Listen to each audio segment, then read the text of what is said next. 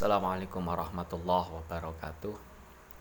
Ala hadiniyah wa ala kulli niyatin sholihah ila hadratin nabiyil mustafa sayyidina wa maulana muhammadin sallallahu alaihi wasallam wa ila hadrati abaihi wa ummahatihi wa dzurriyyatihi wa ikhwanihi minan nabiyyin wal mursalin wa ali kullin wa ashabi kullin ajma'in wa syuhada wa sholihin wal awliya aina makanu min masyariqil ardi ila magharibiha barriha wa bahriha wa biladiha wa jibaliha wa audadiha حسن إلى الشيخ شيخ قطبي رباني والعارف الصمداني شاب عبد القادر الجيلاني وشاب الحسن الشاذلي وشاب زكريا النواوي وشاب حميد الغزالي وشاب ياسد البسطامي وشاب الله باشا عراني وشاب شريف هداية الله كنون جاتي وشاب متمكن كجن باتي وجميل أولياء إتساف الجوي رضي الله عنهم.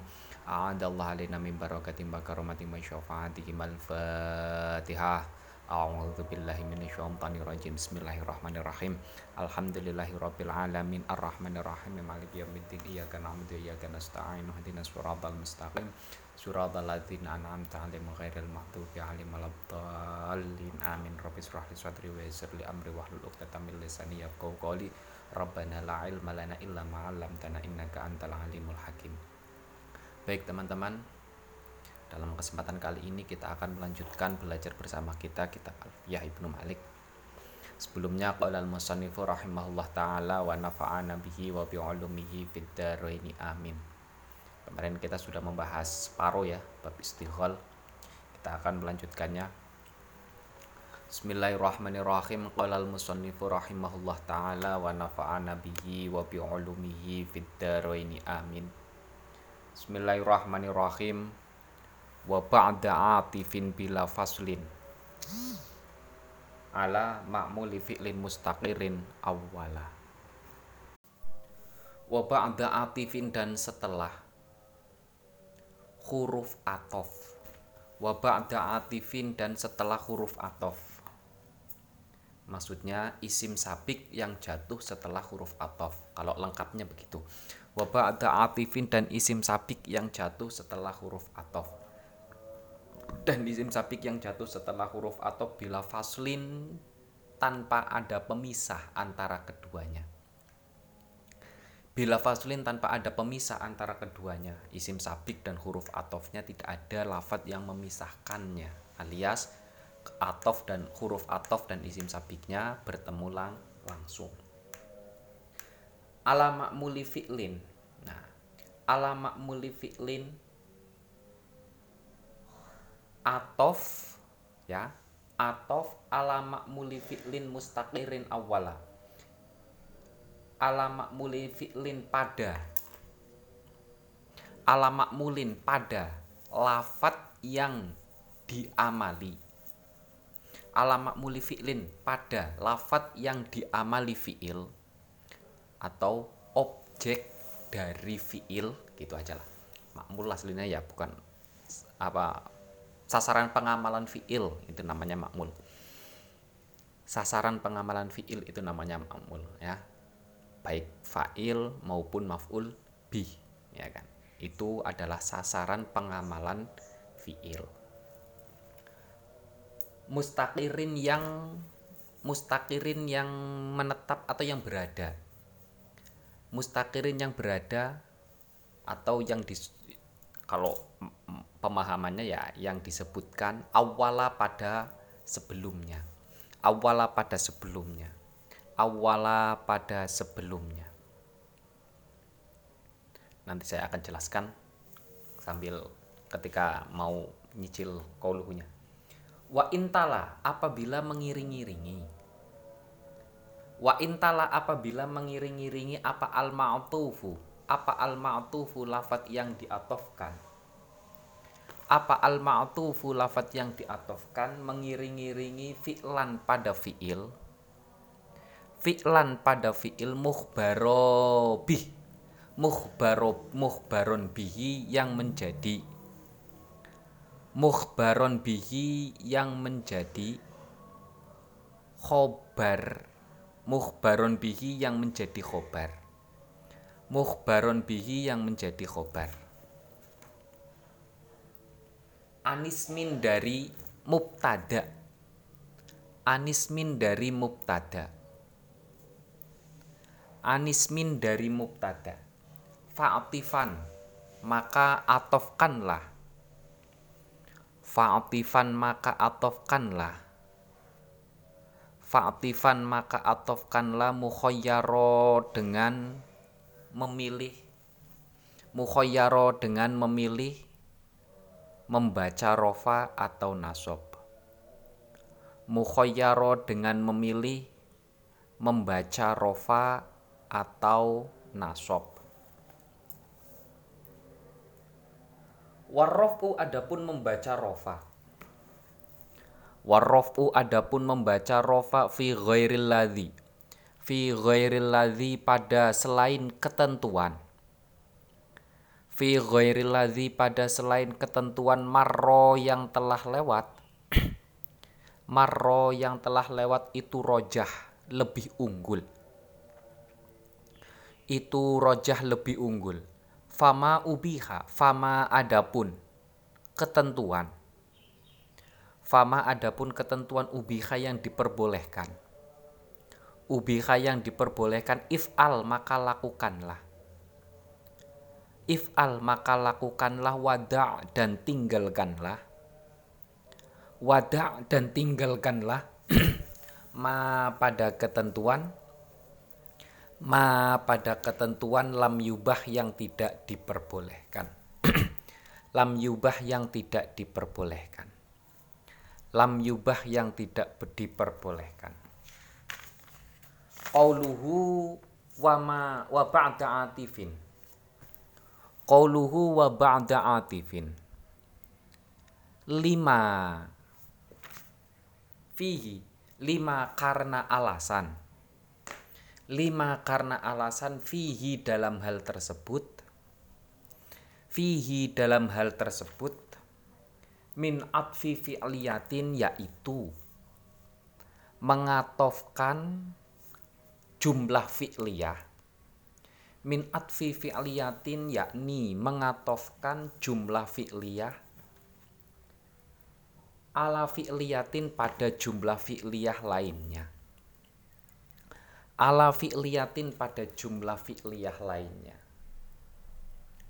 Watana subul muta'atifaini.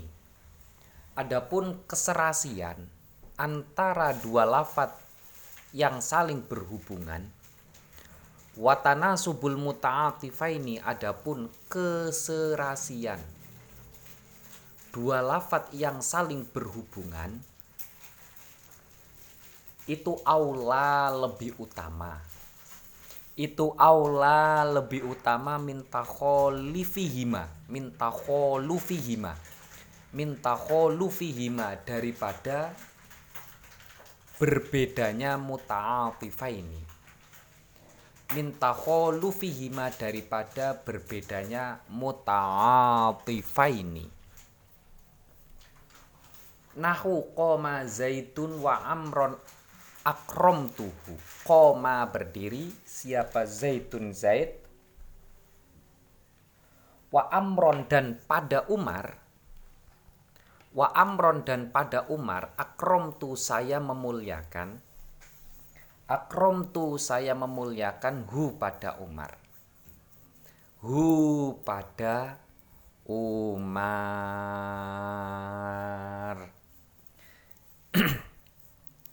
Jadi nadom pertama ini adalah satu ketentuan lanjutan dari isim sabik pada bab istighol yang harus dibaca nas nasob. Ya. Jangan lupa tiga istilah pentingnya. Ya. Ada syahil, ya. ada masyhul, dan ada isim sa isim sabik. Syahil itu adalah domir yang kembali pada isim sa sabik yang disebutkan setelah fi fiil. Nah, masyhul itu adalah fiilnya. Sementara isim sabik adalah isim yang disebutkan sebelum fiil yang menjadi apa yang menjadi masyhul dan sebelumnya syaghil yang menjadi yang berupa do domir ya. Zaidan akrom tu itu namanya isim sabik akrom tu itu namanya masyhul hu itu namanya sya syakhil. Oke isim sabik itu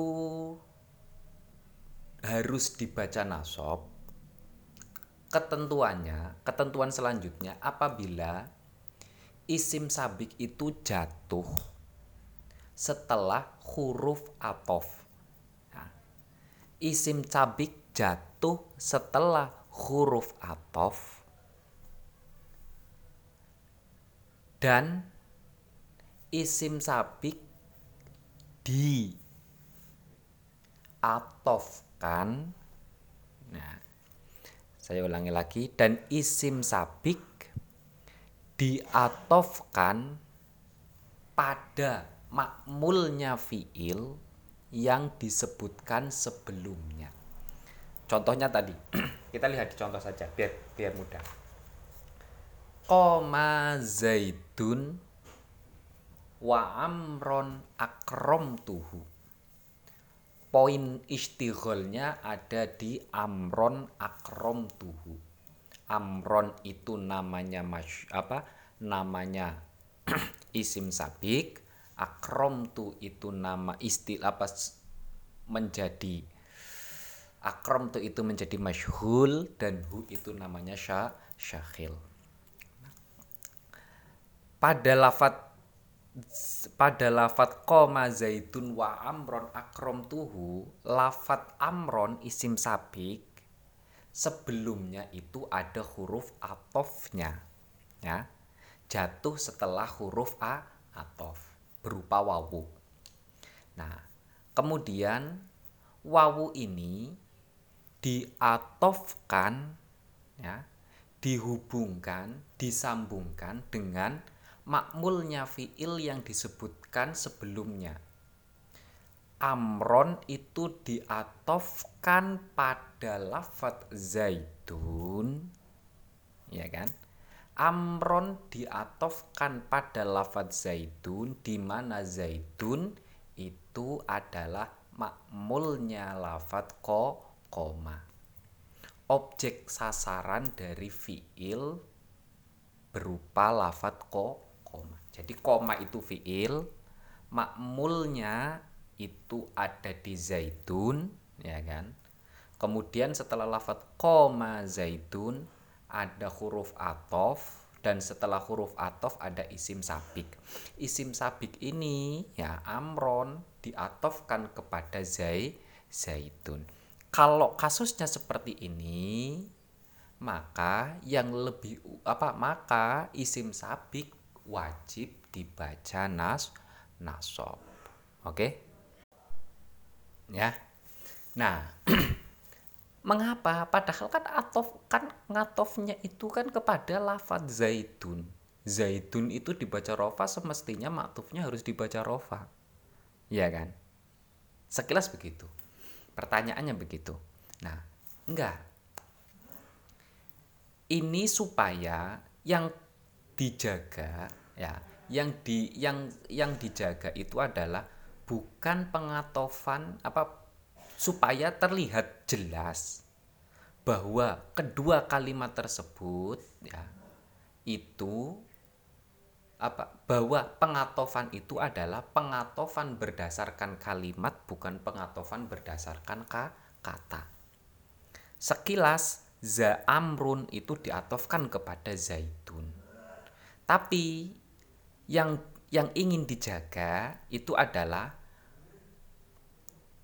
jumlah fi'liyah yang diatofkan kepada jumlah fi'liyah. Alias apa? Lafat akrom tu zaidan, akrom tu amron yang diatofkan kepada lafat koma pada kalimat koma zai zaitun. Itu yang akan dijaga. Makanya lebih utama ini lebih utama sorry bukan wajib. Yang lebih utama itu adalah dibaca na nasob tapi boleh-boleh saja dibaca rofa wa amrun akrom tuhu gitu ya. Kalau wa amrun akrom tuhu berarti yang dijaga itu bukan kalimat atau bukan jumlah fi'liyah tapi yang dijaga itu adalah mengapa pengatofan antara lafat amr dan lafat zai zaitun secara secara apa secara secara sempit itu. Maksudnya yang di yang dilihat itu hanya antara lafat zaitun dan lafat amrun. Tapi kalau yang dibaca nasab yang dilihat itu adalah jumlah susunan susunan kata antara koma zaitun dengan akrom akrom tu akrom tu am amron. Jumlah apa kalimat akrom tu amron yang diatofkan kepada lafat koma zai zaitun. Jadi mengatofkan jumlah yang satu dengan jumlah yang lain kalimat yang satu dengan kalimat yang lain. Itu yang akan di, yang dijaga. Nah sehingga harus dibaca na nasob kalau memperhatikan yang dipertimbangkan adalah pengatofan antara satu jumlah dengan jumlah yang lah yang lain. Ya, itu maksud dari nadom yang pertama.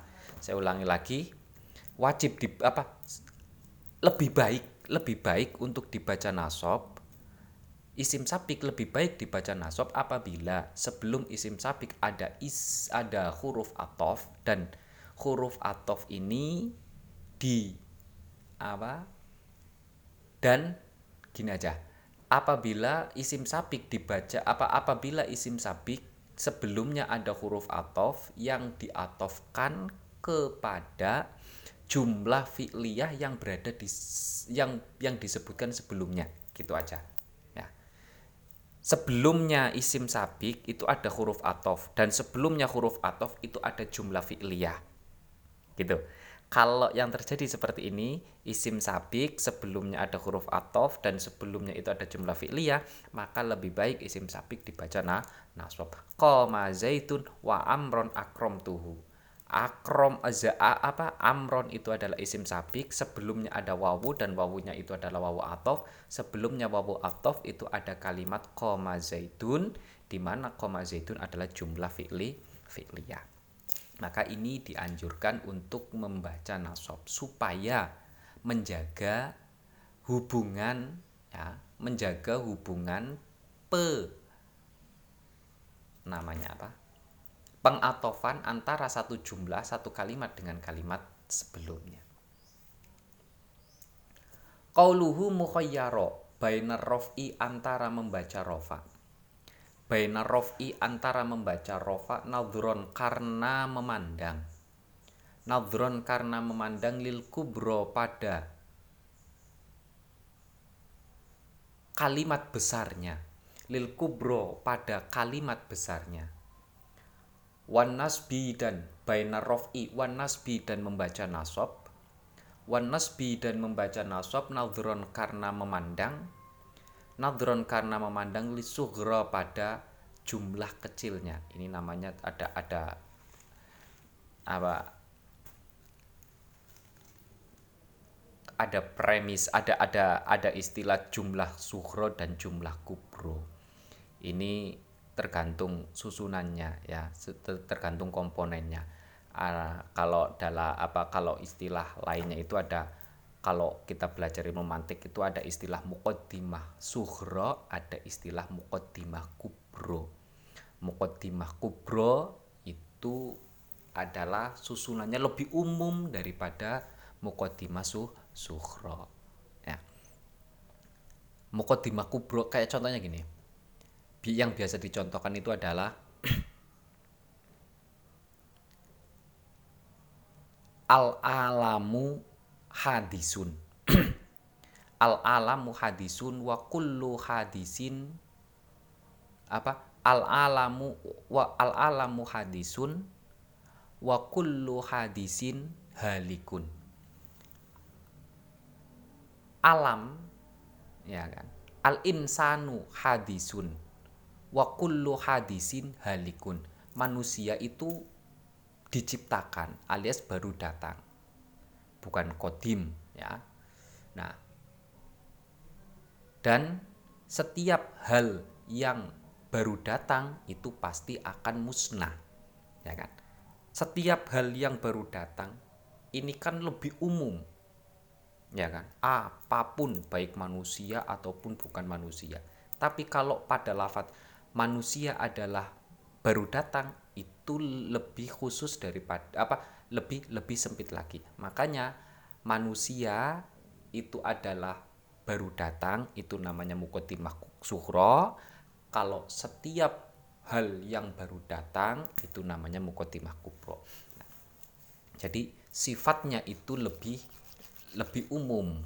Nah, berarti bagaimana kita tahu tahu kalau ini apa jumlah suhro dan jumlah kubro ya harus ada perbandingan antara dua kali kalimat. Bisharti ayakuna dengan syarat Bishartin dengan Bishartin dengan syarat. Bisharti ayakuna Bisharti ayakuna Tonya tanpa tasdid apa tanpa tanwin. Karena ini diidofahkan kepada lafat ayakuna Lafat ayakuna menjadi mudhof ilaih Padahal fi'il karena adaannya Maka itu dikira-kirakan sebagai isim Namanya an masdariyah an masdariyah an yang mengira-ngirakan sebuah fiil untuk menjadi masdar. Nah, bis kalau di kira-kirakan bisyartil bisyartil kauni. Nah, pengira-ngiraannya begitu. Bisyarti ayakuna dengan syarat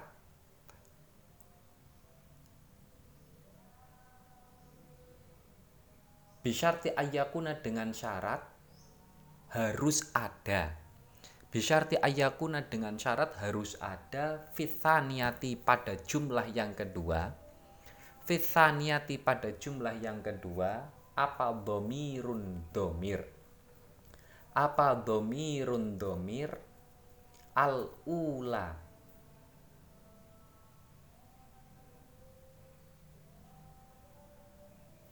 al ula apa domirul ula? Domir yang lebih utama. Apa domirul ula? Domir yang lebih utama. Au utifat atau diatofkan. Au utifat atau diatofkan bil fa'i menggunakan huruf fa. Bil fa'i menggunakan huruf fa. Nahu zaitun koma wa amrun akrom tuhu fidarihi au fa amrun akrom tuhu zaitun za, zaitun adapun zait itu koma berdiri. Wa amrun dan umar akrom tuhu saya memuliakan Umar. Akrom tuhu saya memuliakan Umar fidarihi di rumahnya Zaid. Fidarihi di rumahnya Amr. Fi, fi fidarihi di umar, rumahnya Amr. Au au fa amrun akrom tuhu au fa amrun atau kemudian Umar Fa'amrun kemudian Umar akrom tuhu saya memuliakan Umar. Akrom tuhu saya memuliakan Umar. Sementara maksud dari nadom yang kedua ini adalah terserah boleh untuk memilih. Mau dibaca rofa ya boleh, mau dibaca nasob ya bol, ya boleh. Bagaimana ketentuannya apa apa boleh untuk apa boleh memilih ini? Ketentuannya apabila isim sabik ya kan wa intalal ma'tufu fi'lan mukhbaro apabila sebelumnya isim sabik itu berupa kalimat fi'il dan kalimat fi'il tersebut menjadi khobar dari mubtada sebelum sebelumnya. Contohnya tadi. Zaidun koma wa amrun. Ya wa ak, wa amrun akrom tuhu boleh wa amron akrom tuhu juga boleh. Ya kan? Wa amron akrom tuhu juga boleh wa amrun akrom tuhu juga boleh titik poinnya wa amron atau wa amrun di sini wa amrun itu adalah isim sa isim sapik. Ya kan? Sebelumnya amr itu ada huruf wawu berarti ada huruf a atof. Nah sebelumnya huruf atof itu ada kalimat fiil berupa kom koma. Dan koma di sini menjadi khobar dari lafat dari mubtada yang disebutkan sebelumnya yaitu lafat zai zaitun. Zaitun menjadi mubtada koma menjadi khobar setelahnya ada wawu huruf atof dan setelah huruf atof ada isim sapik. Ini boleh untuk membaca rofa pada isim sabik boleh membaca nasab pada isim sa sabik berarti zaitun koma wa amrun juga boleh. Wa amron juga bol boleh.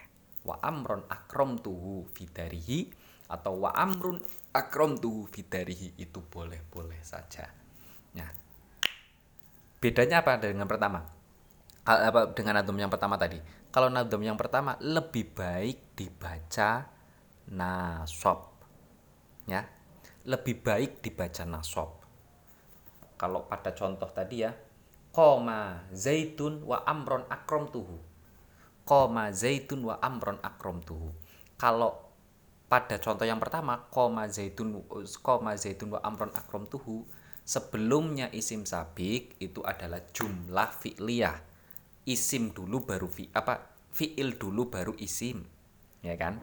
Koma dulu baru zai zaitun. Kalau di contoh yang kedua itu namanya jumlah ismiyah isim dulu baru fi fiil. Ya kan? Nah mubtada dan kho khobar. Itu namanya jumlah ismi ismiyah. Nah itu perbedaannya. Yang kedua karena berbeda dalam apa dalam dasarnya berbeda dalam keputusan apa dalam ketentuan gramatikalnya ketentuan gramatikalnya kalau yang pertama fiil apa sebelumnya isim sabik itu adalah berupa isim yang menjadi makmulnya fiil itu lebih baik dibaca nasab. Berarti kama zaitun wa amron akrom tuhu tapi kalau sebelumnya isim sabik itu adalah fiil yang menjadi khobar dari kalimat isim ya dari mubtada yang berupa kalimat isim itu lebih baik apa boleh boleh sama saja. Kalau yang pertama lebih baik kalau ini sama saja. Mau dibaca nasab boleh mau dibaca rofa juga bo boleh. Satu lagi. Qauluhu rojah li adami mujibi rof'i. Li adami mujibi rof'i karena tidak ada yang mewajibkan membaca rofa li adami mujibi rof'i karena tidak ada yang mewajibkan membaca rofa wa mujibin nasbi dan yang mewajibkan membaca nasab. Wa mujibin nasbi dan memba dan yang mem mewajibkan membaca nasab. Wa murajjihihi dan yang mengunggulkan salah satunya. Wa murajjihihi dan mengunggulkan salah satunya. Wa mustawil amroini dan keduanya setara atau sama wa mustawil amroini dan keduanya sama. Wa wa adamu takdiri wa adamu takdiri adapun tidak mengira-ngirakan itu aula lebih utama minhu daripada takdir. Nahu zaitun dorob tuhu zaitun adapun zaid itu dorob tu itu dorob tu saya memukul dorob tu saya memukul hu pada zaid hu pada zaid nah. Pada nadum yang ketiga ketentuannya sudah. Berarti kesimpulan dari atas itu ada. Isim sabik itu ada yang wajib dibaca rofa ada yang wajib dibaca nasab ada yang lebih utama dibaca nasab ada yang e, boleh untuk dibaca nasab ataupun dibaca rof rofa. Itu kesimpulannya. Nah sesuai dengan kriteria kriterianya sesuai dengan aturan aturannya nah aturan-aturan apa aturan-aturan itu lakukanlah lakukanlah sesu apa perlakukanlah is apa istighol sebagaimana hukumnya dan jangan memperlakukan istighol tidak sesuai dengan ketentuannya. Intinya apa? Ini konsep ya namanya gramatikal Arab itu ya. Gramatikal Arab itu kan ya kaidah ya. Kaidah dal kaidah dalam sebuah bahasa saja. Kaidah dalam sebuah bahasa Ka karena kita sudah mempelajarinya kaidah-kaidah tersebut perlakukanlah bahasa Arab sebagaimana kaidahnya jangan memperlakukan bahasa Arab yang tidak sesuai dengan kaidahnya. Intinya begitu. Ini supaya menghasilkan bahasa yang fasih ya, fusha, bahasa yang fasih, bahasa Arab yang sesuai dengan standar standarnya. Ya meskipun ini ini yang ini yang nanti membedakan antara bahasa Arab apa bahasa Arab yang sekarang ya bahasa Arab secara apa bahasa Arab yang sekarang yang disampaikan yang digunakan untuk berkomunikasi dengan bahasa-bahasa Arab yang digunakan untuk bahasa tulis menulis ya bahasa tulis menulis dari zaman dulu sampai seka, sekarang.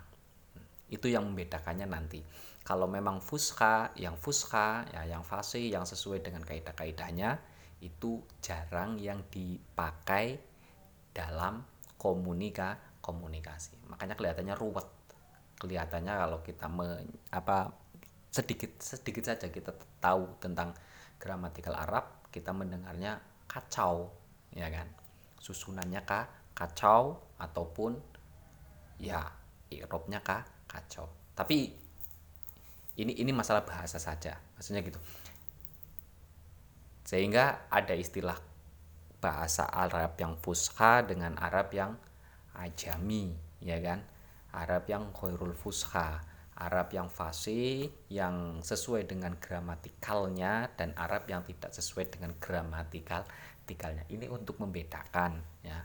Mana yang sesuai dengan kaidahnya dan mana yang tidak sesuai dengan kaidah kaidahnya kalau pengen menghasilkan bahasa yang bahasa Arab yang fuska ya ikutilah kaidahnya. Itu yang disampaikan oleh Imam Ibnu Malik di sini. Oke? Mungkin apabila ada pertanyaan silahkan ditanyakan. Nah, semoga apa yang kita pelajari pada kesempatan kali ini bisa bermanfaat Kurang lebihnya mohon maaf bila taufik wal hidayah. Wassalamualaikum warahmatullahi wabarakatuh.